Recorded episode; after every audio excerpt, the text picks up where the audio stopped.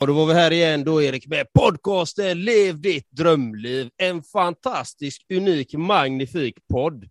Helt brutal är den. Och vi sitter faktiskt inte på Entreprenörsgatan idag, utan vi gör ett Zoom-podcast för att vi har en gäst från andra sidan kontinenten. Eller vad säger du, Erik? Jag tänkte nästan att jag skulle säga från andra sidan. Det hade varit, det hade varit spektakulärt om något. Men det är spektakulärt faktiskt, det är det absolut. Så nej, inte på E-gatan idag. Vi sitter inte där. Vi kör Zoom. Vi gör faktiskt Zoom också ibland, så det är magnifikt att man kan göra det. Vi hade ganska många Zoom-avsnitt tidigare. Men nu har vi Zoom och som alltid, får vi säga det liksom, man kan ju, vi kallar ju vår podd eh, Brutalpodden ibland. Det har liksom blivit en liten alias, a.k.a. Brutalpodden här. Mm-hmm. Och man kan ju gå till patreon.com slash och så finns det lite schyssta paket. Så man kan ju faktiskt bara, jag vet inte, om man vill bli sponsor liksom, eh, vad är det, vad är 19 spänn eller något? Det är billigare än en bussbiljett på Västtrafik. Om man bor i Göteborg, i Stockholm är det mycket dyrare, kan jag tänka mig. Men så till saken här, vi ska inte babbla på, jag ska inte babbla på, utan idag har vi faktiskt en gäst, vi har en gäst och det är sjukt spännande och jag ser fram emot att lära mig fantastiskt mycket. Så idag har vi som gäst Otto Wallin. Bara bing. Varmt välkommen till podden Otto Wallin. Du kan berätta lite om dig själv så bara tar vi det därifrån. Ja, tack så mycket. Kul att vara med på podden. Eh, ser fram emot det. Eh, men eh, ja, Otto Wallin heter jag. Jag är 31 år. Jag är född och uppvuxen i Sundsvall.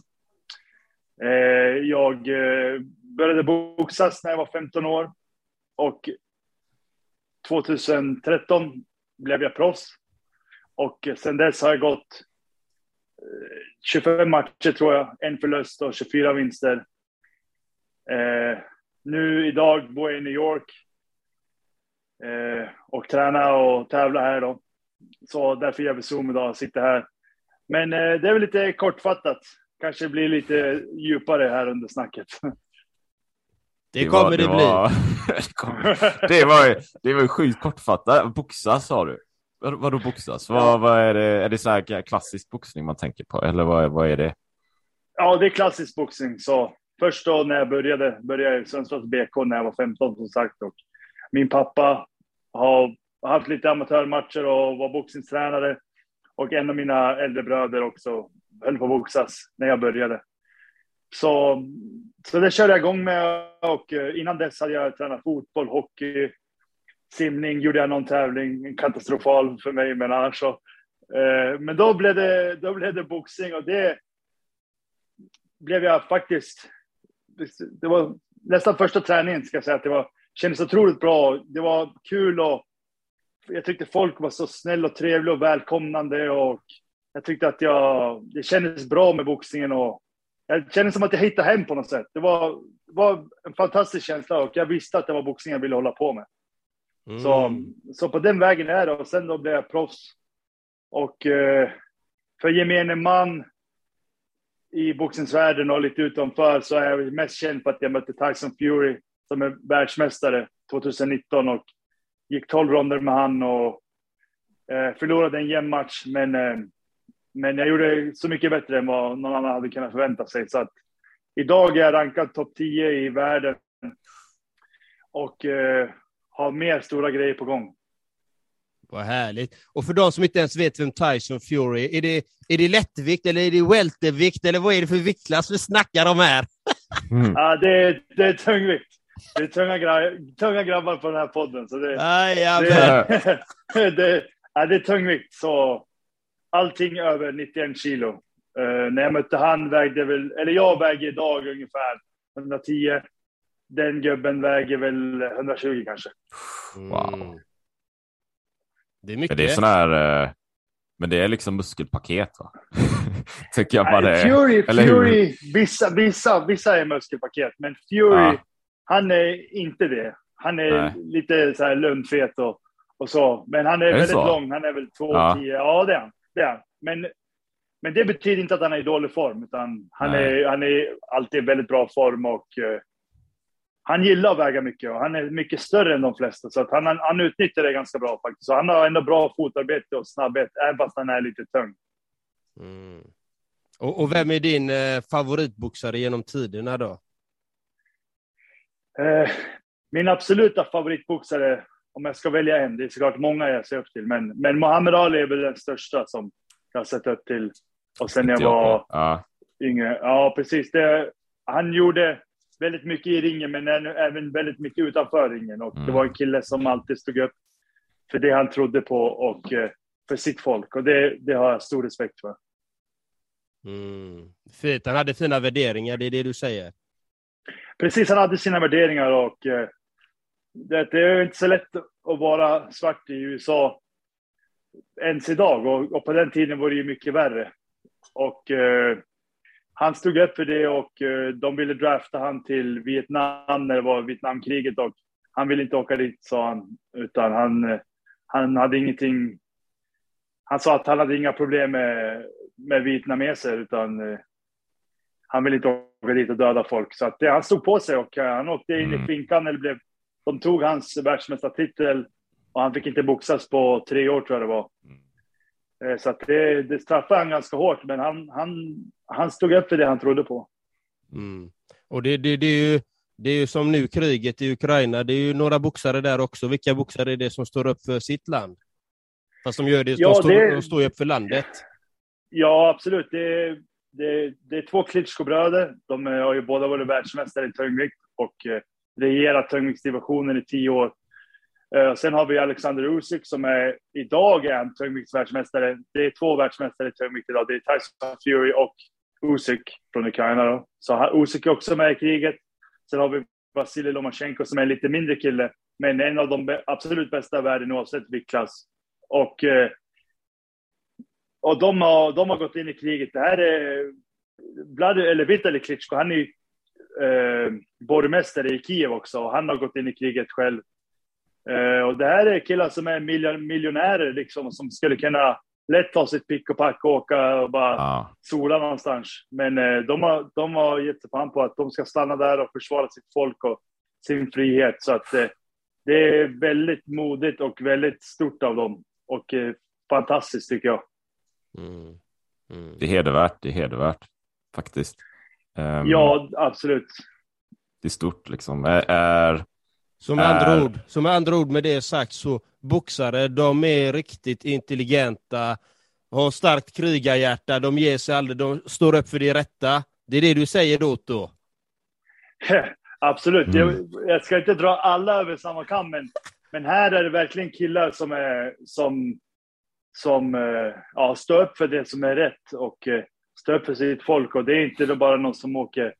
Man ska Nej. inte döma någon som, som flyr heller, utan men det här är, det är killar som, som tänker, de tänker inte ge upp enkelt. Och Mm. eh, ja, nej, det, är, det är stort, tycker jag. Mm, det är, tycker jag. eh, för det är det absolut. Är, är, kan, det, kan det vara någon slags, finns det någon ådra hos boxare som gör att man är, ofta är mer, eh, man står upp för det man säger och tänker. Jag, du sa ju Muhammad Ali där, till exempel, Mm. liksom, att man är ju kraftig i sina uttryck på något sätt kanske, eller att man så. Ja, alltså om jag, jag kan ju bara kolla på mig själv, men eh, jag tycker att jag har lärt mig genom åren att eh, det är okej att vara mig själv i alla lägen och stå upp för det jag tror på Mm. och säga som jag tycker. Eh, då behöver man, eller jag försöker alltid vara mig själv bara. Och det, det, liksom, det går mest, minst energi då. Man Mm. behöver inte behöver inte slösa massa energi på att gå in i en roll eller göra andra till lags, utan eh, försöker bara vara mig själv. Men, men boxare, jag menar, vi är ju i en ganska tuff sport där man är... Man är ju... Det är inte, man är inte i krig, men man är ju i stressade situationer när man har en kille som står framför en som väger 120 kilo och försöker, försöker banka på en. Det, det är klart att eh, det, det, det är lite speciellt. Och eh, kanske att man eh, lär sig på något sätt eh, den biten. Att eh, stå upp för sig själv. Mm. Men Det- jag, jag tänker ju så här, du behöver ju ha en hel stav av människor som stöttar dig i din resa. Vi- vi- Vilka stöttar dig mest i din resa? Ja, det, det är såklart. Och det är väldigt många som har stöttat mig sen jag började boxa. Så jag, jag har ju familjen och, och vänner och fans. Och sen mitt närmaste team idag, det är min boxningstränare Joey Gamache, en kille här i New York som har själv varit världsmästare i boxning. Eh, och sen eh, har jag en dansk fystränare som heter Rune Bricks. Eh, och sen har jag eh, mina managers, eh, två stycken som kör den biten och så har jag en promotor här i USA. Och så har jag en psykolog hemma i Sundsvall som jag jobbar med sedan 2012. Eh, dietist. Eh, PR-kille hemma i Sundsvall. Eh, så det är mycket folk. Det är mycket folk. Jag har säkert missat någon också, men, men alla betyder väldigt mycket. Och eh, det är, man går ju själv i ringen, men, men det är som att eh, det är verkligen som ett lag utanför. Som ett helt stab. Ja, stall. Ett stall, ja. ja det är, det är, men, men, det kan ju vara så kanske, faktiskt lite som du säger Otto. Alltså, jag, tänk, jag tänker mig att ja, men boxning, då, då, är det, då är det den där människan på planen där som boxas mm. och that's it liksom. Man, man känner inte till, jag ser ju inte, man ser ju inte alla som står bakom och stöttar och supportar. Det måste betyda sjukt mycket kan jag tänka mig. Särskilt kanske, du sa du sa psykolog där, jag kan ju tänka mig att det kan vara väldigt avgörande nyckel också, att liksom kunna bolla, vä vädra olika tankar och idéer så att man vet hur man ska hantera stress och allting. Alla de bitarna. Ja, verkligen. Han har, jag sa ju det, vi har jobbat nästan tio år tillsammans mm. och han eh, har lärt mig väldigt mycket över åren. Eh. Cool fact a crocodile can't stick out its tongue. Also, you can get health insurance for a month or just under a year in some states. United Healthcare short term insurance plans, underwritten by Golden Rule Insurance Company, offer flexible, budget friendly coverage for you. Learn more at uh1.com. There's never been a faster or easier way to start your weight loss journey than with PlushCare. PlushCare accepts most insurance plans and gives you online access to board certified physicians who can prescribe FDA approved weight loss medications like Wigovi and Zepbound for those who qualify. Take charge of your health and speak with a board certified physician about a weight loss plan that's right for you. Get started today at plushcare.com slash weight loss. That's plushcare.com slash weight loss. Plushcare.com slash weight loss. Since 2013, Bombas has donated over 100 million socks, underwear, and t shirts to those facing homelessness if we counted those on air, this ad would last over 1,157 days. But if we counted the time it takes to make a donation possible, it would take just a few clicks. Because every time you make a purchase, Bombas donates an item to someone who needs it. Go to bombas.com slash ACAST and use code ACAST for 20% off your first purchase. That's bombas.com slash ACAST, code ACAST.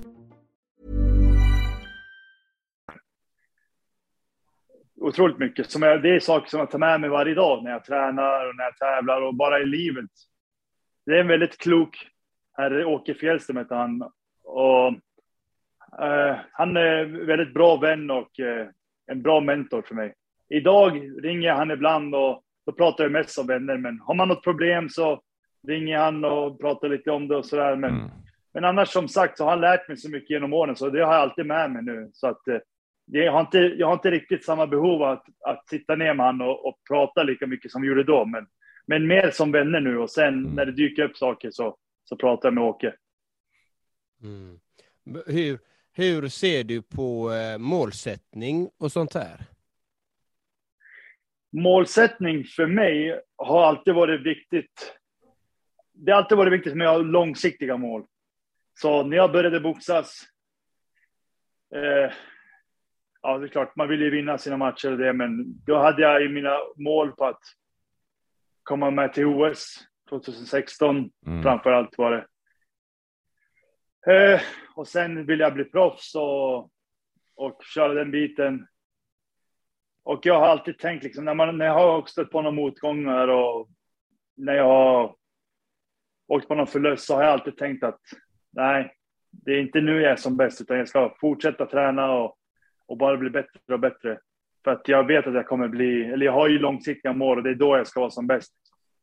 Mm. Så långsiktiga mål har alltid varit viktigt för mig och sen det tar ju, man får vara beredd att lägga ner jobbet för att det kommer ta lång tid tills man blir riktigt bra på någonting och, och eh, om man vill bli bra på någonting, är det boxning eller kan vara vad som helst i livet tror jag att det krävs mycket jobb och man får acceptera att det kan ta lång tid och ibland stöter man på motgångar, men då får man komma ihåg varför man gör det och man har sina långsiktiga mål som man strävar mot och det är bara köra vidare.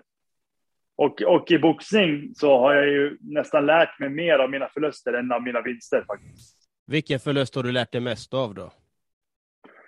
Jag skulle säga, ja, Tyson Fury, det är min enda förlust som proffs och eh, där lärde jag mig såklart väldigt mycket. Att, att gå 12 ronder med världsmästaren. Det betyder ju väldigt mycket. Men, men innan det så skulle jag säga 2012 försökte jag kvala till OS i Turkiet, var kvalet. Eh, då var jag där med svenska landslaget och tyvärr förlorade jag min första match där och blev knockad. Så att den förlusten tror jag har lärt mig väldigt mycket av. Och det är min största motgång, men kanske det är nog väldigt bra att det hände just då också, att jag, jag kom starkare ur det och lärde mig mycket om mig själv och vad jag skulle bli bättre på. Vad skulle du bli bättre på där då? Ja, dels så att jag blev knockad skulle jag skärpa till mitt försvar. Det Inte ha teflonpanna utan undvika slagen. Precis. Teflonpanna är bra också, men det bästa är att inte bli träffad. Att inte bli träffad. så. Precis. Järnkeps kan man också ha, men, men man, det bästa är att inte bli träffad. Ja. Det är bra. Har, har du några... Men, men, men samtidigt, ja. samtidigt, en annan grej som jag lärde mig då var att när jag åkte på det OS-kvalet så hade jag redan fått ett erbjudande att bli proffs. Eh, med, med, med en, en tysk promotor som heter Saulen. Eh, och då tackade jag nej innan, innan det här för att jag ville få mer erfarenhet som amatör tänkte jag. Och jag ville ju försöka komma till OS också. Eh, men jag tackade nej till dem. De ringde nog en, två, tre gånger innan det här eh, OS-kvalet och jag tackade nej. Kände att jag inte var redo. Men sen efter förlusten, då tänkte jag fan, nu kanske jag tappar den här chansen. Eh, för det var ett bra erbjudande för en kille som mig och hemma i Sundsvall. Eh, tänkte jag, fan, nu kanske jag förlorar den här chansen och eh, jag ville ju inte ringa dem liksom och säga, ja men nu, nu kan jag bli proffs. För nu har jag liksom blivit utslagen här på den här matchen. Eh, så nu är jag redo att bli proffs. Så då tänkte jag att då är man inte lika aktiv. Tänkte jag, jäklar, det var inget bra det här. Så jag väntade och väntade och bara hoppades att de skulle ringa igen. Och det tog ungefär sex månader tror jag. Då ringde de igen. Mm. Äntligen. Och då sa jag, nej men nu är jag redo. För jag kände att om jag skulle bli proffs med de här, då skulle jag få flytta till Berlin. Eh, jag skulle få bra sparring, heltidsanställda tränare och jag skulle tjäna pengar på boxning. Jag skulle inte behöva jobba mer som jag gjorde innan. Och eh, då kände jag att äh, men nu måste jag göra det här. Och eh, då tog jag chansen och eh, det har varit kanon för mig sedan dess. Så jag skrev på för Saulen då. Och jag hade mina första 20 proffsmatcher med dem i Europa, i Sverige, Tyskland, Danmark och Bulgarien, lite olika länder. Och sen eh, har jag varit här i USA på slutet. Härligt. Kändes det då att liksom ha, ha uppnått den? För, för jag tänker mig att det är en dröm, så här, att, att du faktiskt kommer upp till eh, proffsnivå. Måste ju, ja, det var det. det var det. Det var ju, det var ju, det är ganska stort. Vi har inte haft många proffs från Sundsvall. Jag tror att det bara var en kille innan mig. Han heter Leif Keiski. Och sen har vi haft två andra efter mig. Mm. Men så det var väldigt stort för mig och, och framförallt kände jag då att ja, men nu kommer jag kunna ta tillvara på min potential och bli så bra som möjligt. För det var det viktiga, att jag, jag kände att jag kunde bli, jag hade mer, jag kunde utveckla mig, själv mer om jag tog det här steget. Och det förstod jag då bättre. Så därför tog jag det. Vad är det som driver dig? Ja, det som driver mig är att eh, såklart, jag vill bli världsmästare. Och eh, det är en ganska bra fråga faktiskt. Eh,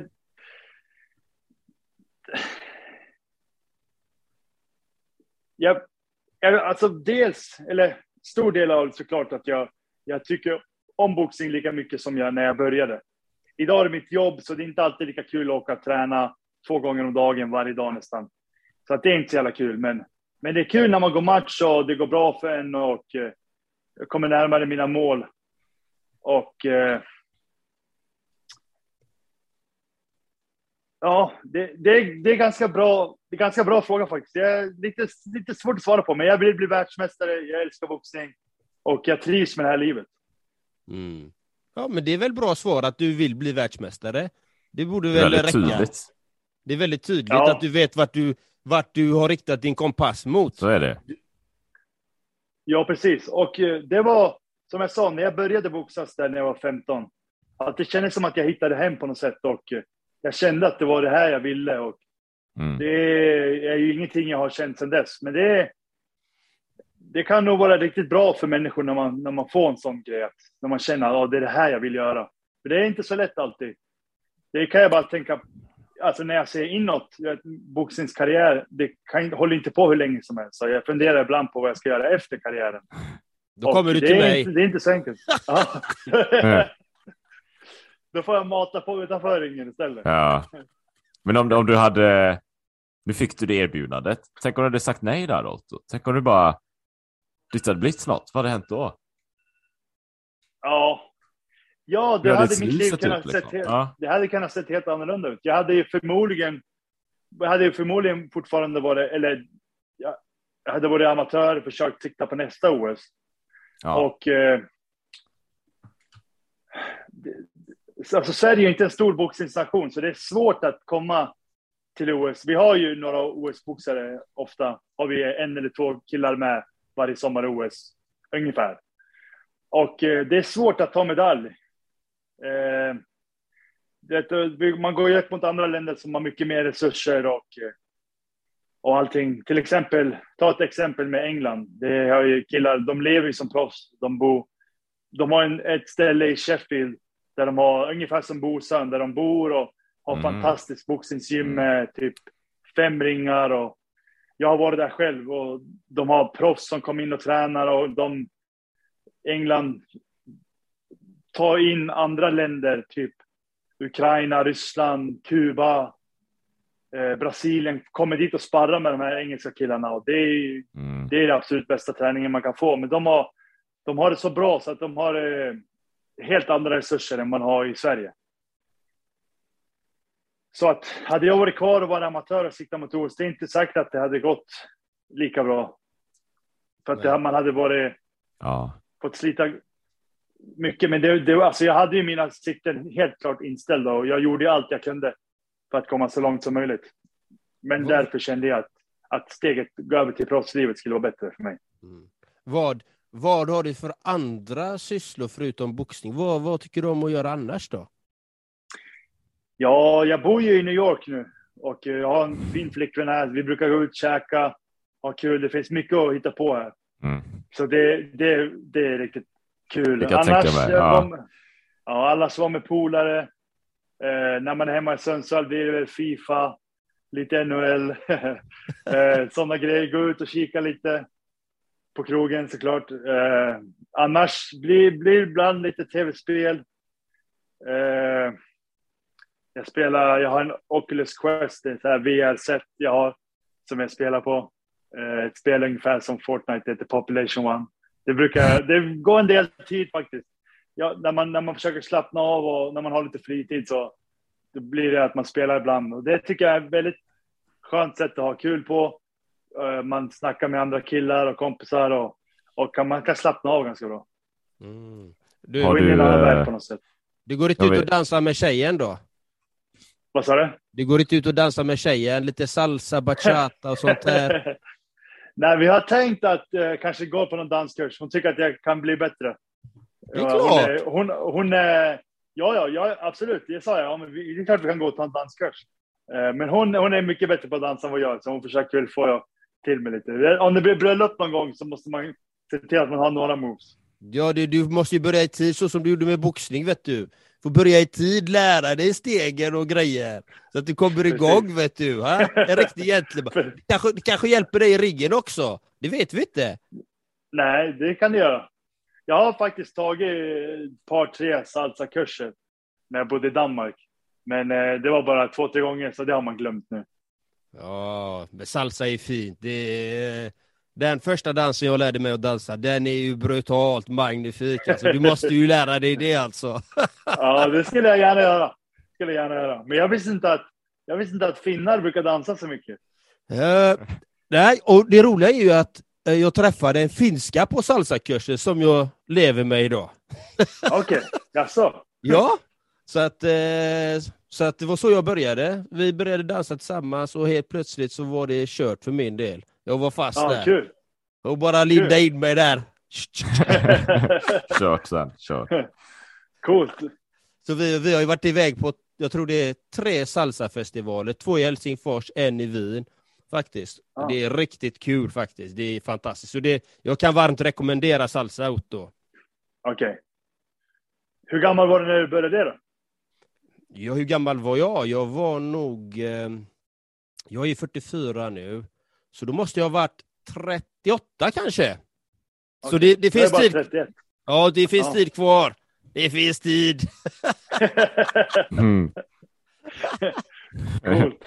Och det är ett bra sätt att umgås på också, liksom, eh, faktiskt med vänner och så att man kan gå ut och dansa Mm. lite. Det är också bra motionsform faktiskt. Riktigt Mm. bra. Absolut. Ja, jag funderar lite på från, från danstema till, till tränings kosttema. Jag är lite nyfiken där. Otto. Vad, du nämnde dietist också. Har, något, har, ni, har du något speciellt kostupplägg eller hur, hur ser det ut? Eh, för mig är det ganska basic. Mm. Jag, jag eh, är en stor kille och jag, jag behöver aldrig gå ner i vikt. För jag boxas i tungvikt som sagt, Mm. allting över Mm. 91 kilo. Mm. Eh, så det är ganska basic. Eh, äter väl ungefär som kostcirkeln, något sånt. Eh, eh, till exempel kyckling, ris, grönsaker. Dricker oftast mjölk. Eh, mjölk, eh, apelsinjuice för att få lite extra Mm. carbs, kolhydrater. Så det är ganska mycket kolhydrater, men, eh, men annars är det ganska, ganska standard. Kött, pasta, eh, Okej. grönsaker alltid. Så det är lite så. Okej. Hur, hur, eh, hur ser träningen ut då? Liksom? Den, den är också så intressant. Så här. Hur, hur ser, du nämnde två eh, boxningspass om dagen. Ja, ofta kör jag ett boxningspass. Eh, li- och så ett boxningspass. I morse har jag varit iväg, kört eh, en och en halv timme boxning ungefär. Cyklat dit, cyklat hem. 40 minuter totalt. Mm. Vände upp lite hopprep, 10 minuter. Och sen boxningen då. Eh, sen har jag nu och käkat en fin lunch. Och så ikväll då blir det kondition på programmet. Så Mm. antingen brukar det vara kondition eller styrketräning. Då kör jag också lite lätt boxning för att få in det då. Och sen blir det kondition. Så att ikväll då blir det nog eh, i alla fall två och en halv timmes pass totalt. Så att eh, ikväll, eller idag då kommer jag väl upp på ungefär fem timmar totalt. Ja. Och det Men, är eh, en kom- del. Ja, det är det. Så att det ska mycket kolhydrater och eh, mat för att hålla igång. Ja, inte, inte gå ner i vikt. Har du, har du, eh, men har du liksom att du tar fram det här själv eller du har tränare som säger så här, ja men nu, nu Otto, nu är det det här som gäller den här veckan, så pang, pang, pang och du ska fixa det och det och det. Eller är det mer att du kommer pra- fram till hur du vill göra på egen hand? Sådär. Nej, det, allting är väldigt styrt. Mm. Det är det. Eh, så min konditionsträning, då går jag in på mitt, och kollar på programmet ikväll och då har jag min fystränare Rune, då han skrivit in exakt vad jag ska göra. Mm. Ungefär 40 minuter cykling, Mm. 40 minuter crosstrainer, eh, 40 minuter boxning, dela upp det så här. Och så är det ungefär. Mm. Så, så ser det ut på programmet. Och så imorgon kör jag styrka.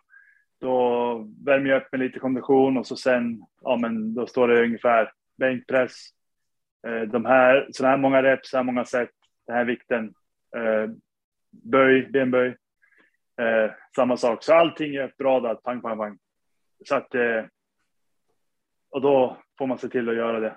För att det, det, Ja. det är coolt. Jag har, jag har duktiga tränare. Och Ja. det, det, det har jag haft väldigt tur med. Att, att ha riktigt bra tränare som, som jag litar på. Och därför gör jag också allting som de säger, mer eller mindre.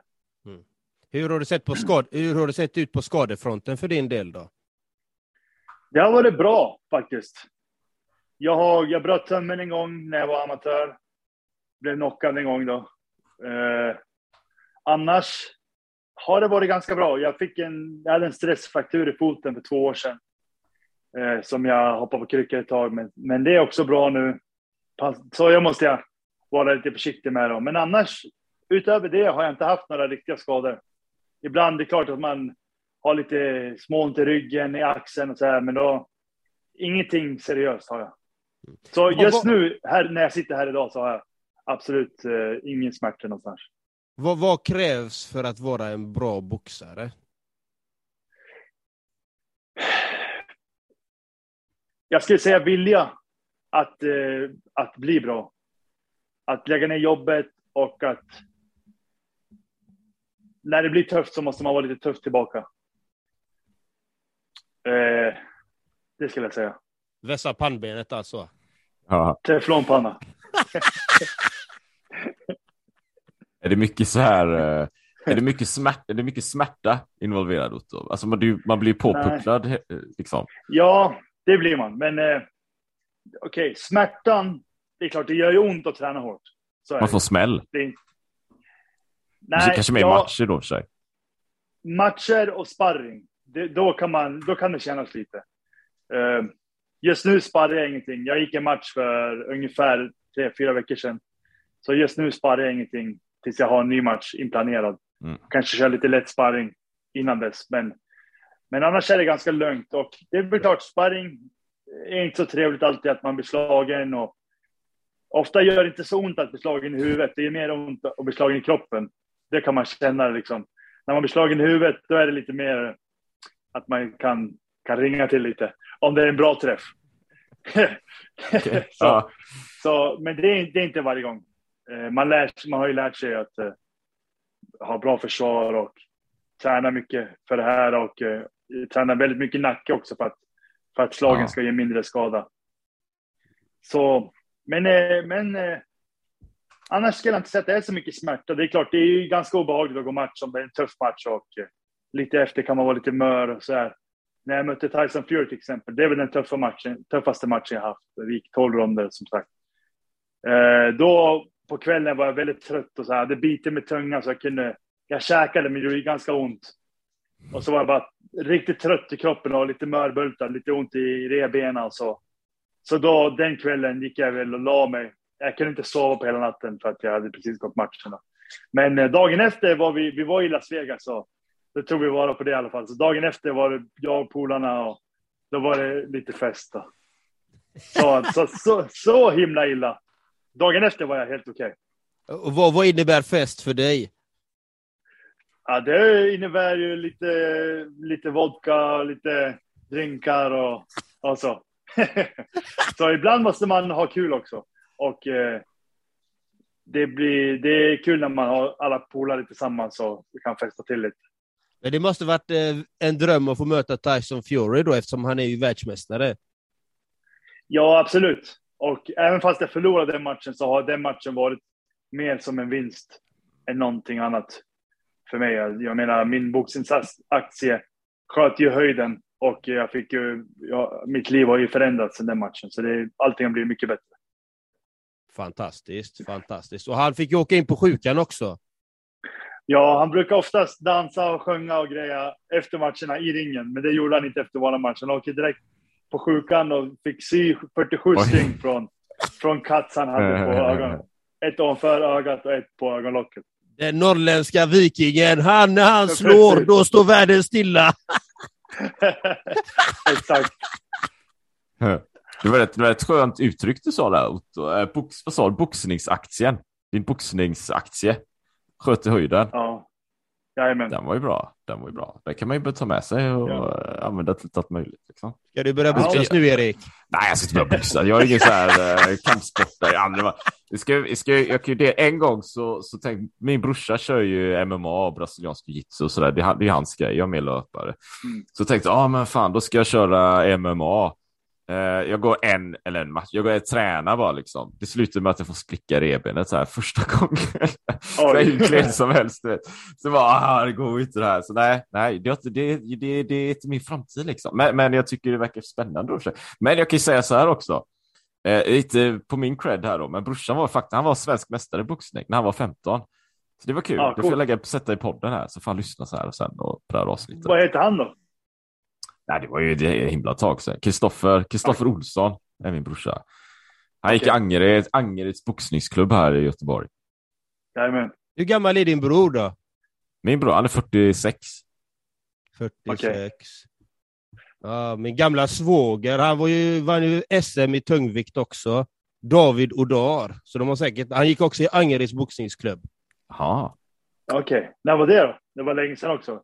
Han, när han fick, när var, fick han SM-guld? Jag kommer inte ihåg, han lever ju inte längre, men jag kommer inte ihåg okay. när han fick det. Han, han, eh, han bröt handen i semifinalen, så gick han in ja. i finalen med bruten hand och vann SM. Usch. Mm. Och, och, han kom, då, och han då kom, fick han inte SM-guldet, han tog det. Han tog det, ja precis. Han tog ja. det. Och, och grejen var ju så här, han var ju han var med i, innan, året innan så hade han, var han i en lägre division. Jag, inte, jag kan inte det här med boxning, men då vägde han bara 75 kilo eller någonting. Så han började gå upp så mycket i vikt. Han bara käka och käka, drack proteindrinkar. Och jag, och, vet, och jag tittade på honom, vad är det du håller på med? Jag bara vilar, vet du, säger han. Han berättar ju ingenting att han skulle gå in i tungvikt. Så han bara ja. käkar upp, så han blir ju, han blir ju svullo. Han, han, han, liksom. Och, och så vinner han SM-guld i tungvikt. det är lite coolt ändå. Ja, faktiskt. Så, men du, men, du känner inte han... till honom? David Odar? Ah, jag vet inte. Jag vet han inte. vänsterhänt var han i alla fall. Okej. Okay. Som mig då? Ja, som dig ja. Mm. Uh, men Angered, ja. där har man själv varit och boxats på. De har en, en klubb mm. som heter ACBC. Mm. Det är, bra, det är ett bra ställe där, Angered. Jag vet inte, de är, är de kvar? Jag antar det. Jag har ingen aning heller. Uh, jag har inte bra koll. Det kanske var en bra klubb var... en gång i tiden. Ja, de hade också några killar i landslaget när jag var där. Mm. Mm. Vad hette han då? Eh, Salo, Salomo, Salomo Enture. Mm. Jag känner inte till heller. De hade han, väldigt duktig. han tog sig till OS också. Okej, okej. Om jag minns rätt, ja. Ja, nog, nog om Christian Olsson och David Odar här. Det är Otto Wallin vi ska snacka om här. Du är lite nyfiken så här Otto på, du lever ju, alltså du är från Sundsvall. Jag har, jag, varit, jag har aldrig varit i Sundsvall, men eh, det är i Sverige, mellanstor stad så här. Nu bor du i New York och, och du nämnde själv att du var i Las Vegas. Jag har varit i Las Vegas en gång. Jag var där, jag var där fem dagar. Så jag vet okay. lite hur det är. Liksom. Så lever ja. du med så här, lever du så här jetset-liv nu då, Otto? Nej, det gör jag inte. det gör jag absolut inte. Men eh, jag lever ganska bra här nu. Jag har fått tag, vi har fått tag i en fin lägenhet här eh, på Manhattan. Och eh, jag gillar faktiskt att vara här väldigt mycket. Jag har ju varit här sedan 2017. Och när jag först kom hit, då var det jag och min tränare. Mm. Joey då. Vi, vi tränade i Danmark innan och eh, han är från USA. Så när han bestämde sig för att flytta tillbaka hit, då följde jag med han hit. Då. Och eh, då var det lite trögt såklart. Man kände ingen och, och sådär. Ja. Så jag kände bara han. Men nu, nu är det så mycket bättre. Jag har bra lägenhet, fin tjej, bra kompisar, lite svenska polare och så. Och eh, nu kan man mer njuta av att vara här. Och jag tycker att det är fantastiskt här nu. Jag, eh, jag ser mig själv bo här väldigt länge. Härligt. Hur träffade du din partner då, din kärlek? Det var på internet, på Hinge, en app som heter Hinge. det känner jag till kan jag säga. Det är bra. Okej. Okay. Ja. Ja, och... nej, hon, hon pratar engelska, hon är amerikan, men hon, hon ja. fattade det. Hon hörde det i alla fall. Mm. Så, så vem var det som tog kontakt? Var det hon eller var det du? Jag tror det var hon faktiskt. Efter vi hade matchat så skrev hon först till mig, tror jag.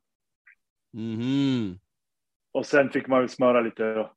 Och det här var ju i maj 2020, precis när eh, covid Allting var stängt här i huset. Allting var stängt här i New York. Man kunde inte göra någonting. Jag hade inte klippt håret på två månader tror jag.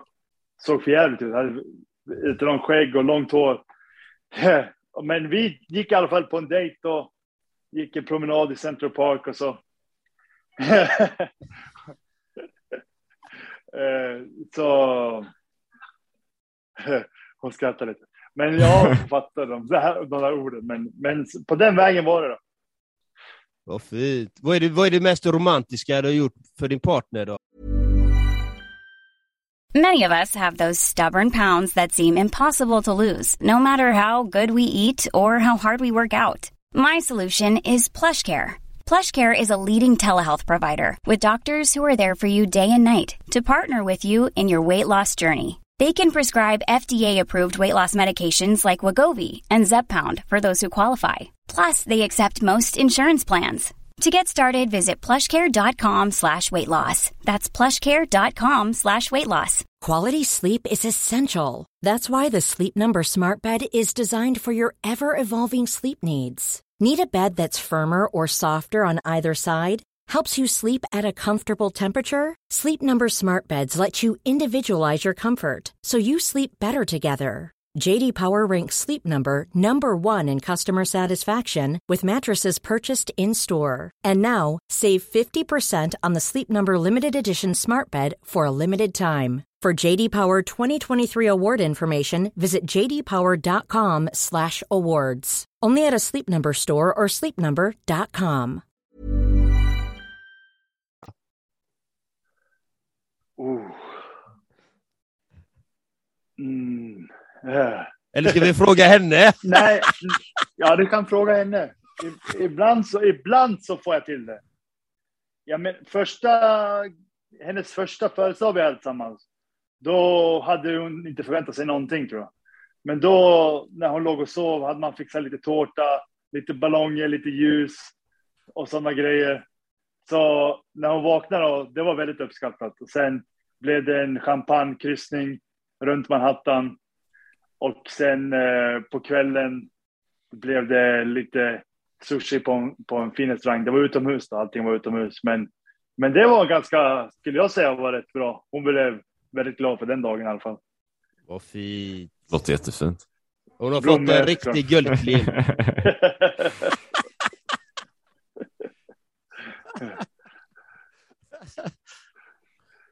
Ja, men om vi tänker så här då. Du vill bli världsmästare och du har en hel stab runt omkring dig. Vad känner du att du behöver förbättra för att verkligen bli världsmästare nu?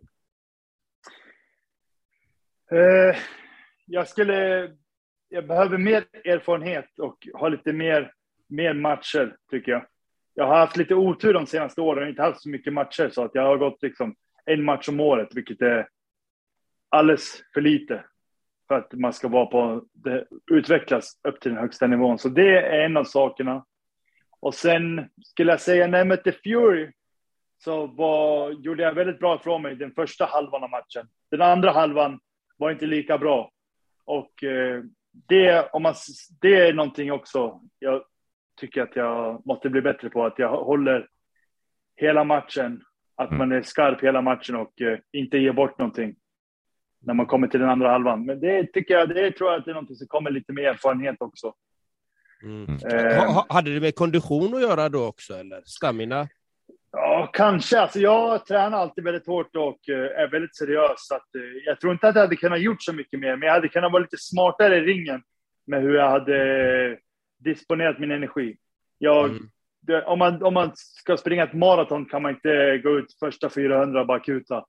Nej. Utan, Nej, eh, det kan man inte. så, nej, så lite så. Att jag hade kunnat vara lite smartare på den biten. Så du, du, du, det du säger, du är inte som Mike Tyson, han går in för att knocka första ronden. Nej, alltså det är, det är lite olika jag och Tyson såklart. Men, eh, men han hade lite problem också när det blev långa matcher. När inte Ja. han kunde slå ut sina motståndare så, så blev det lite svårare för honom. Mm. Nej, men det, det har man ju sett. Liksom. Jag, jag gillade ju Mike Tyson, för det, han var ju så explosiv. Och, eh, det var ju, en, Muhammad Ali och, och Mike Tyson var ju mina favoriter, men jag gillade också Evander Holyfield också. Han diggade jag faktiskt. Jag vet inte varför, men jag gillade hans boxningsstil. Ja. Nej, han hade en bra stil också. En ganska clean boxare. Ja, Man ja säger han så. gillar ju. Ren stil, stilrent och, och bra. Så du säger mer matcher, men ligger matcherna i ditt huvudansvar eller ligger det i din managers ansvar att skaffa matcherna? Ja, framförallt är det min promotor Mm, som ska ordna dem. Och mina managers ska se till att promotorn fixar det.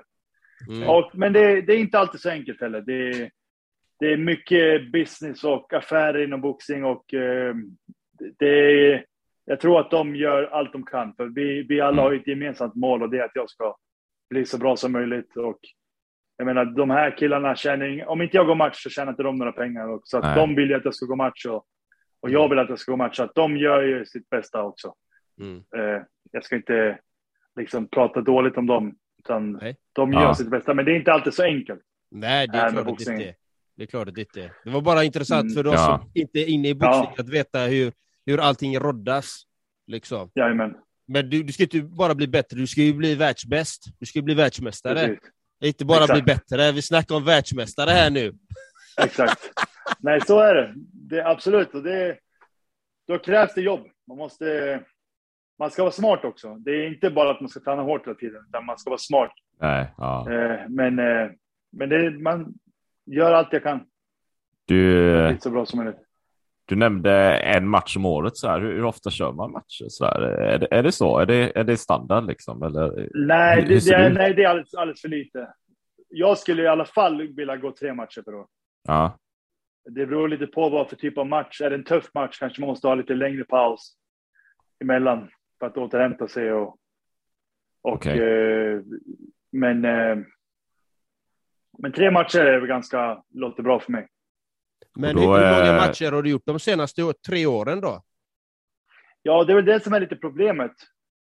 Senaste tre åren, det blir ju, om vi säger från 2019, då hade jag Fury-matchen i september. Innan dess hade jag en match mot en kille här i USA. Tyvärr så skallade vi ihop i första ronden och han fick ett katt på ögat. mm. Och han sa, han sa till domaren att han inte kunde se något mer. Han kunde inte se någonting, men han ville, han ville bara... Jag tror att han ville bara få en genväg ut ur matchen, jag ska vara ärlig. ja. Eh, Mm. så så var det. Det var ganska, det var ganska, det året hade jag lite otur.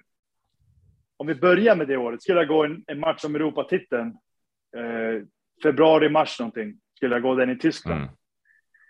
Då blev min tränare nedslagen bakifrån här på gatan Oj. i New York när han var på väg till gymmet klockan fem på morgonen. Av bara någon random, alltså någon främling Mm. som bara kom upp bakom han, drog på honom på käken, så han bröt käken. Och fick opereras och eh, så då bröt vi den matchen såklart. För att eh, jag hade inte kunnat gjort det utan min tränare och Mm. han, vi var ju tvungna att ta hand om han då såklart. Den matchen blev ingenting. Eh, sen blev den här matchen då i april. När vi skallade ihop efter en rond. Eh, så det blev en non-con- non-contest, inget, inget resultat. Sen i juli skulle jag möta en annan kille här i USA. Och eh, på matchdagen, eller dagen innan, uppdagades det. Men sen på matchdagen var det definitivt, nej det blir ingen match. Och det var för att den här killen hade blivit skjuten med en luftpistol i skallen när han var barn. Va? Och den kulan satt fortfarande kvar. Den sitter fortfarande kvar i hans huvud och han har boxats med den hela sin karriär. Men eh, innan man ska gå boxningsmatch så ska man ta en MR-röntgen av hjärnan. Det gör vi ungefär en gång per år. Och eh, i den här staten i Washington, då var han inte tillåten att göra det. Så att det, han eh, gick inte igenom läkarkontrollen och så han fick inte boxas. Så den matchen blev ingenting då. Vad hette han då? Han heter BJ Flores. Han är Jake Pauls tränare nu. Mhm. Så, så det var ganska sjukt faktiskt. Jag vet inte. Han blev skjuten med en luftpistol och Mm. kulan sitter kvar. Så de var, om de hade gjort en röntgen Ja. så sa läkarna att den hade kunnat värmas upp och börja röra sig in i skallen och det är inte så bra. Aj. Mhm. Men hur, Nej. okej. Men hur är det då? För jag, då föreställer jag mig om det, om det är en match inte så ofta, säg. Eh, det, det kan, kan det inte bli lite, lite, ganska mycket press då, när det faktiskt är match? För det är, ju- det är ju dels själva matchen, men sen är det ju liksom staben runt omkring och det är ekonomi involverat och sådär. Och så är det få matcher. Ja. Det, det kan vara lite, kanske lite stressigt kanske. Ja, absolut. Absolut. Jag menar, största delen av min karriär så har man ju varit pank nästan och liksom levt match till match. Och har man blivit skadad någon gång, ja, det har varit tufft ibland. Mm. Fått låna pengar av farsan och så. Eh, men eh, de här gångerna, till exempel när han blev, när han inte gick igenom läkarkontrollen, fick jag betalt ändå. Det var schysst. Men sen, nu på slutet, i september det året då, när det här hände, så mötte jag Fury och sen dess har jag börjat tjäna mer pengar. Och så just idag så har jag inte så mycket stress över pengar, så mm. det är jävligt skönt. Men eh, man vill ju ha fler matcher så att det kan fortsätta så. Ja, det är klart. Det är klart. Så är det. Det kan jag tänka mig. Mm.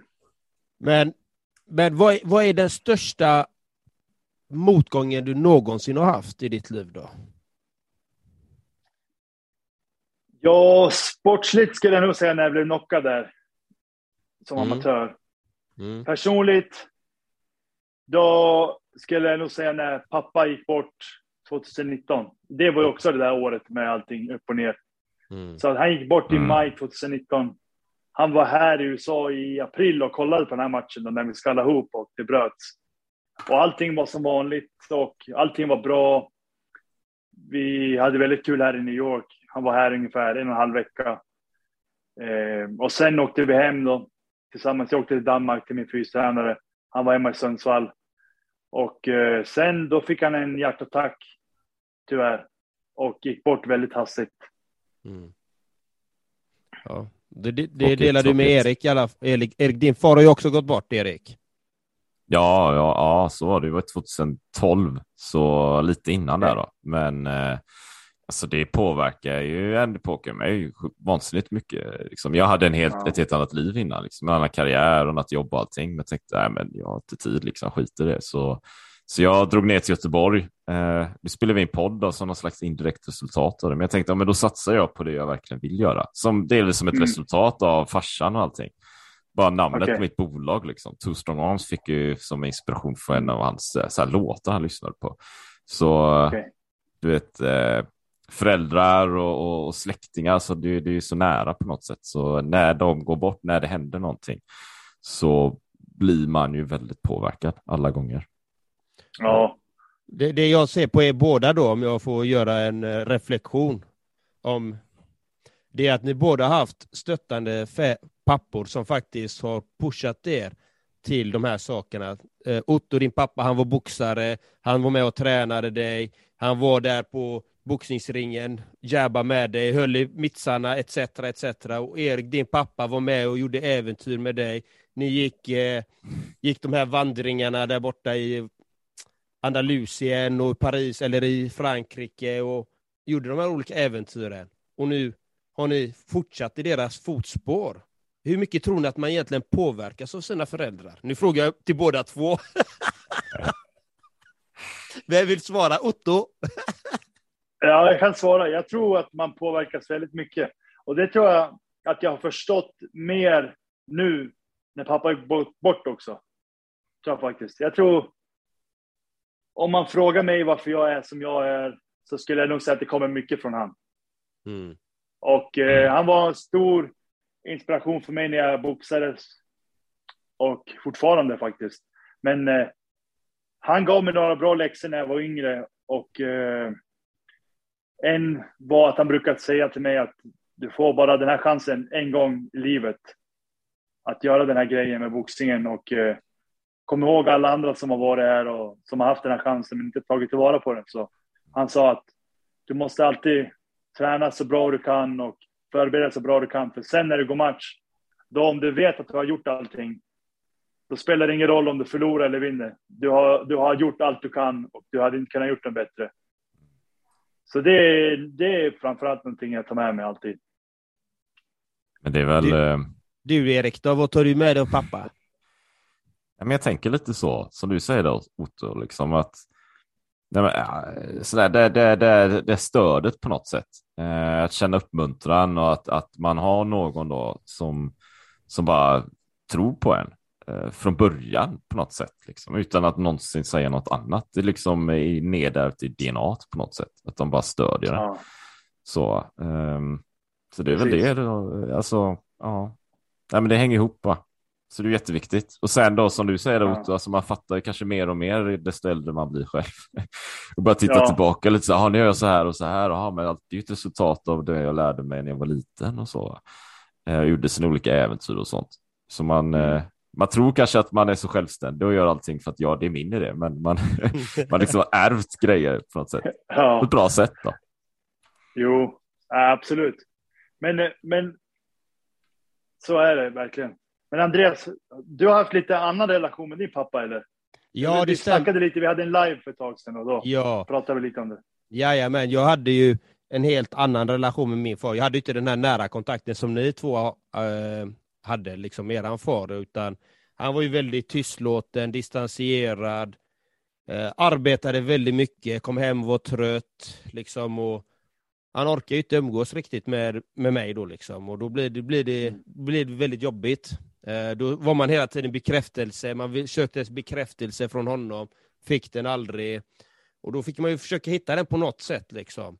Men det som, min, det som jag har med mig från min mor är ju, hon sa så här, och jag vet inte när hon sa det, men hon sa det någon gång när jag var liten. Hon sa så här, Andreas, du kan klara av precis vad du vill i ditt liv. Precis vad du vill kan du klara av. För du, har, du, du är speciell. Något sånt där sa hon. Och det har varit Mm. kvar mig sedan jag var liten. Mm. Och eh, när vi pratar om min far då så hade jag ju ett avstånd ifrån min familj i tio år. Från min mamma och min pappa för det hände lite olika komplikationer och så. Men Mm. eh, sen så eh, det var för att jag var omogen här inne att jag kunde inte hantera vissa saker liksom. Man, man får ju med sig vissa saker. Men sen tog jag kontakt med min far. Han fick också en hjärtattack precis som din far Otto. Han Mm. överlevde och efter det ändrades min far och eh, är mer stöttande, mer ödmjuk, mer närvarande, mer kärleksfull. Vi pratar med varandra, vi skickar meddelanden på Instagram, massa hjärtan till varandra och grejer. Mm. Eh, så, så, så, det, så det går ju att förändra relationer också, eh, som kanske inte alltid är så gynnsamma, för det är inte alla som har kanske en mamma eller pappa som är, som är där för dem. De kanske inte har någon förälder. Mm. Och Mm. då, då är det viktigt, precis som Otto säger, att man har någon förebild, att någon bra förebild att se upp till. Till exempel som Muhammad Ali som faktiskt stod upp för bra saker. Liksom. Och då Mm. gäller det att hitta dem. Och eh, lite, lite så, när vi pratar om min far och Mm. min mor. Ja, nej, men jag tror att förebilder är väldigt viktigt och speciellt för folk som inte har det så lätt.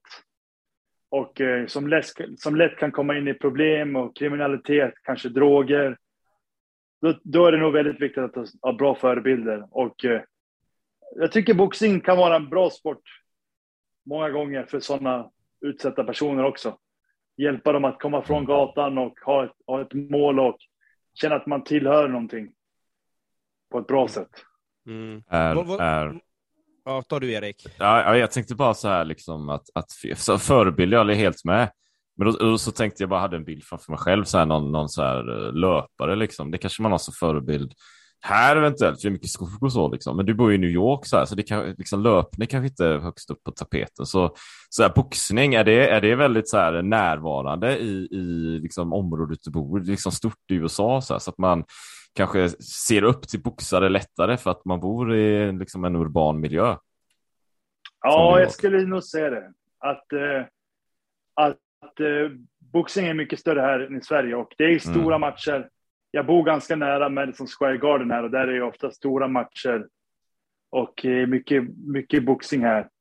Mm. Så, så det, är, det är kul för mig såklart som, som eh, håller på med boxning. Det Ja. finns mycket boxare, mycket gym. Boxning är ganska stor, stort här som motionsform också. Ja. Så skulle jag säga de flesta på gymmet är egentligen motionärer. Sen finns det några proffs också, men, men eh, det, är, det är mycket boxning. här. Har, har du några andra förebilder förutom box, i boxningsringen? Och din pappa då? Ja, det har jag. Eh, såklart. Resten av min familj. Eh, annars, det finns en kille jag gillar som heter Cesar Milan. Som, eh, som jobbar med hundar. Som, eh, det är mannen som talar med hundar. Jag vet inte om ni har sett honom en gång. Men, Känner igen det. Jag har, Ja. aldrig, ja, jag har aldrig haft en hund själv. Men eh, jag har alltid varit imponerad av han, hur han pratar med hundar och beter sig och eh, jag har sett väldigt mycket med honom. Det, det, det är en kille som, det är väldigt intressant. Det är mycket psykologi alltså, energi, vilken energi är du, är du utger och eh, han pratar alltid att man ska ha en, en lugn, sansad men självsäker energi. Det är så man når hundar bäst och eh, men jag tror att det är mycket han säger, det tar jag med mig till människor också. Så att eh, jag skulle säga att jag ser upp ganska mycket till han faktiskt. Det, det, det kan jag rekommendera. Gå in på hans Instagram, kolla, kanske kolla något avsnitt, hur han jobbar. Det är, det är otroligt imponerande tycker jag. Intressant. Erik, du skriver upp det där. Jag såg att du skrev upp det, va? Ja, du får repetera här nu då. Vad, vad hette han sa du? Cesar Milan. Jo, han har ju Ah, sett. Han, han ah. är spanjor eller mexikanare eller latinamerikan. Precis, precis. Jajamän. Alltså mexikan. Jajamän. Erik, har du någon förebild då? Förutom din pappa då? Mm. Jag är väl lite liksom lite, alltså inte spontant sådär, alltså nu så, men, för, eller jag tänkte på en Kilian Jonette tänkte jag först faktiskt. Eh, det ska jag säga, det var första namnet som bara dök upp, pang. Ehm, men är det min förebild? Men jag har följt honom väldigt mycket, det kan jag säga, men det är ju en ultralöpare då, han har sprungit, han sprang upp för Mount Everest. Han, han sprang upp för Mount Everest, liksom. han sprang upp. En, en del gör ju den här, du vet, eller de här, alla typ, de, det tar ju flera dagar, man ska klimatisera till höjden och basecamp och så nästa läger och så nästa, nästa, nästa och sen är man 7000 meter så nästa dag gör man liksom eh, mot toppen så här. Nej, han sprang från det första läget längst ner hela vägen upp i ett svep. För då Oj. behöver man inte acklimatisera sig. Så här. Man, man, kan, man kan liksom lura det, det så. Så han sprang upp och så sprang han ner. Och så han körde några omgångar, han försökte göra det, men han lyckades. Så ja, han körde den. Sen tror jag han körde alla de, eh, jag vet inte om han körde alla de högsta topparna i världen kanske. Nej, jag vet inte han gjorde, men han gjorde den i alla fall. Så han, han ser ju upp Men det är väl inte vad han då. Och så Wim Hof kanske. Wim Hof gillar ju. Han är, han är rolig snubbe liksom. Han är inte galen. Eh, jag vet inte om du känner till honom Otto? Wim Hof? Nej, Nej, men du vet, du kan ju googla. Han har också så här sjukt många följare. Men han är ju, eh, han har ju slagit världsrekord i eh, köldexponering och liknande. Simma under isen, så här 50 meter eller vad det är. Och sprungit maraton i eh, så här ökenområden med så 50 graders värme. Och under eh, minusgrader i så här sandaler och shorts bara. så, ja, det är mina förebilder liksom. Massa folk som gör Okej. knäppa grejer. Ja då. Så jobbar jag. Jajamän. Teflonpanna. Ja. Han Det simmar under isen. Minusgrader, fy fan. ja, det är väl känns härligt. Kör du köldexponering då? Otto, där i, i New York, hoppar du i eh, hamnen där? Vatten är ju omringat av vatten. eh, nej, det mesta är Nej. när man cyklar här. Jag cyklar ju alltid till träningen. Och Ja. eh, vinter har det, var det, där var lite snö så någon gång Ja, flög jag av cykeln, ja. sl- slet upp jackan. så här, men, men, eh, men annars du- har det gått ganska bra. Nej. Det är så att du bara cyklar i shorts då, mitt i vintern. Bara överkropp, gjort det. Jag- spänner Jag kanske dig. ska pröva det. kanske ska pröva det. Erik gör det. Erik är ute och springer i bara överkropp, minusgrader. Ja, det är ju skitsamma, det det? minus 10. Ja, ja.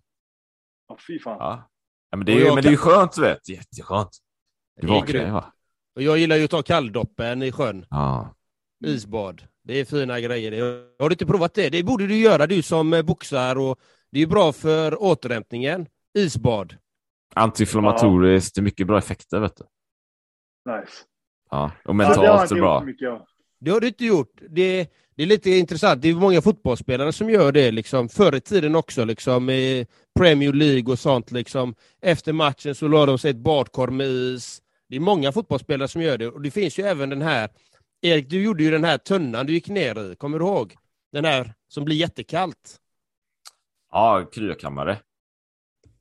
Okej. Så då går man ju liksom in i en, eh, det finns ju hur många som helst i New York, det kan jag tänka mig, det kommer ju från nu i USA väl. Men då går man in i så här kryokammare minus, jag vet inte vad det är, 160 eller någonting liksom. Men det är i tre minuter. Ja. Ja. Det är bara att vässa pannbenet där nu. Och... Men, men, men okej, Otto, hur, hur gör du för återhämtning då? Hur återhämtar du dig då? Ja, eh, mycket mat. Det är en stor del av det. Eh, och sen vila. Eh, Ja. mat, vila. Det är det, det är det jag kör. Jag kör inte så mycket annat. Jag försöker alltid sova bra. Vi har koll på, mäter lite olika grejer. Jag sover med en, en ring, det heter Oura-ring. Aura. Eh, som mäter lite sömn. Ja, det är snyggt. Du har den. Då vet du vad, vad det handlar om. Jajamän, jajamän. Mm. Så mäter lite sömn och eh, hur kroppen reagerar på träningen och så. Eh, men eh, sömnen är viktig. Jag sover ungefär åtta och en halv timme på natten. Ungefär en halvtimme på dagen. Liten tupplur. Eh, och så mycket mat. Mm. Ja, Har det du- har tror du jag är provat- skitbra alltså.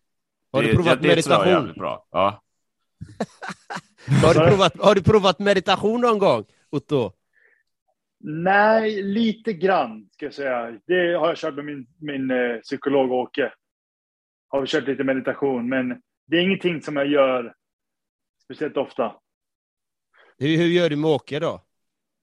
Eh, då har man ju eh, lagt, jag tror jag la mig på golvet eller i soffan hemma hos han. Och han eh, fick mig att slappna av, eh, andas djupt och börja med, med typ axlarna, sänka axlarna, slappna av axlarna, ryggen, eh, vidare, slappna av magen, baken, benen, liksom gå igenom hela kroppen och sen eh, var man där, eh, eh, visualiserade liksom i det tillståndet hur, hur jag ska göra i min nästa match, hur jag förbereder mig och sådana saker. Mm. Så det gör jag ibland innan matcher. Mm. Visualisering, mental träning, med andra ord. Ja. Jajamän, och slappna av liksom. Han säger alltid sänka axlarna och ta djupt andetag. Och, och hur viktigt är det i ringen att, att vara avslappnad med axlarna? Jo, det är väldigt viktigt. Det, för alla som har tränat, som har provat på boxning vet att man kan bli trött direkt. Du, en, en rond eller en minut så kan du vara helt färdig. Om du verkligen går in för det och åker stel, du är spänd och du vill gå all in. Och det är lite som när jag mötte Fury till exempel. Han, eh, jag sa att jag gjorde bra i den första halvan av matchen. Hade jag kunnat vara lite mer avslappnad, lite lugnare, så hade jag nog kunnat stått emot bättre på den andra halvan av matchen också. Mm. Så det är väldigt viktigt att vara avslappnad. Men det är en balansgång. Du kan inte vara helt avslappnad heller, för du måste vara med hela tiden. Så att eh, man måste hitta sina lägen där man kan ta ett djupt andetag, slappna av lite. Men man måste alltid vara beredd. Du kan aldrig slappna av, speciellt inte tungviktsboxning där en, ett slag kan förändra allt. Det är ändå, det är ändå bra där liksom, tänker jag Otto. Det, alltså, det är väldigt eh, insiktsfullt på något sätt. Alltså, jag, jag är lite liten i jämförelse med det. Jag vet inte om den är så bra, men jag har ju suttit i en hel del möten. Jag sa ju det till dig Jonna, det där. Eh, med med ja, personer som inte har coaching och sånt liksom. Och då tänker jag, men jag, jag tjänar ju mest på det om jag är avslappnad liksom. Jag är avslappnad, jag lägger inte så mycket vikt och energi och intensitet i samtalen så här. Nej. Det blir alltid bäst, men ändå på något sätt vara lite på hugget liksom. Det är inte så att man kan sitta och halvsova. Så det är den här balansen Nej. hela tiden är jätteviktig.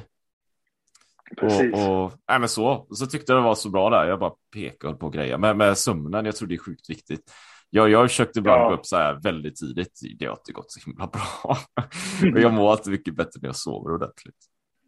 Jo. Nej, för mig har jag alltid prioriterat sömnen. Eller det lärde jag mig. Det har jag väl lärt mig under vägen. När man Mm. var yngre, då var man ju uppe och spelade Playstation med polarna till fyra på morgonen. Sen klev man upp klockan sju och åkte och tränade. Men, men det skulle man ju aldrig göra idag. Det skulle ju aldrig funka Mm. idag. Men eh, sömnen och återhämtningen är väldigt viktigt. Och eh, Ja, en- en tränare som jag hade förr i tiden, han brukade ofta säga om man tränar hårt så måste man vila hårt också. det är bra. Det är bra. Men, och, och, Nu försvann ditt ljud Andreas. Du är väldigt tyst, men eh, du är med på bild. Nu... Eh, nej. nej, säg något. Hallå där, köp blåbär. Ja, nu är det bra. Hör du mig Ja. nu? Ja. Hallå där, köp blåbär. Hallå där en gång till, köp en röten makrill.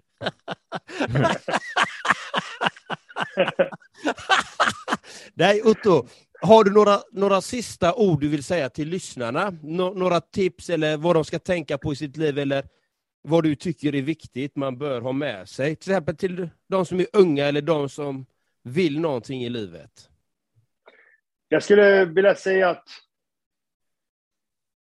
att en sak är att man alltid ska försöka vara sig själv, som jag pratade om innan.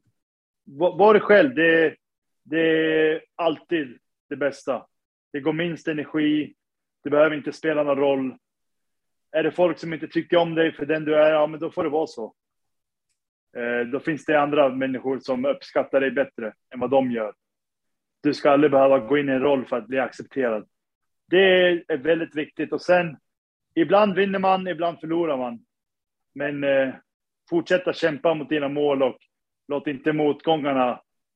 Stanna aldrig på grund av en motgång, utan fortsätt kämpa för dina mål och... Eh, och var okej med att det tar lång tid. Det, behöver inte, det kommer Ja, bra, ingenting, bra. Som är, ingenting som man vill ha... Som, ingenting kommer snabbt som är... Något stort som man vill uppnå kommer inte komma snabbt, utan det får ta sin tid och eh, det är okej. Härligt. Vackert. Inspirerande. Erik, vill du, vill Ja. du ställa Ja, jag sista den. frågan? Jag tar den. Jag tar den sista frågan här. Är du beredd? Slam? Den absolut sista frågan. En, en, en rak, en, en böjd uppercut och sen en vänster hook på den. bam, bam! You know. Eh, sista frågan. Otto. Otto. Väldigt, väldigt allvarlig djup fråga här nu. Nej, kanske inte, men det kan vara. Frågan är, Otto Wallin, lever du ditt drömliv? Ja, det gör jag faktiskt. Det, det, det gör jag faktiskt och det är jag glad för. Jag, jag menar, jag började boxas i Sundsvall eh, när jag var 15.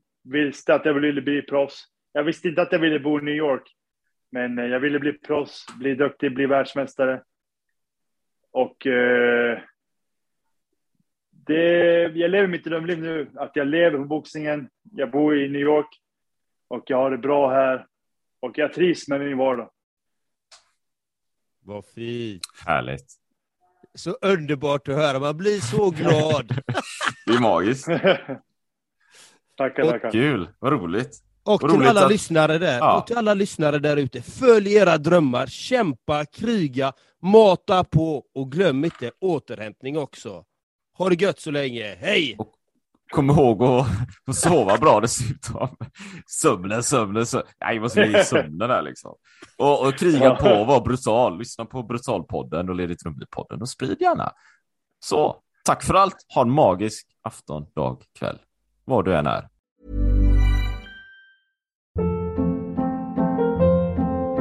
Hold up. What was that? Boring. No flavor. That was as bad as those leftovers you ate all week. Kiki Palmer here, and it's time to say hello to something fresh and guilt-free. Hello Fresh. Jazz up dinner with pecan-crusted chicken or garlic butter shrimp scampi. Now that's music to my mouth. Hello Fresh. Let's get this dinner party started. Discover all the delicious possibilities at hellofresh.com.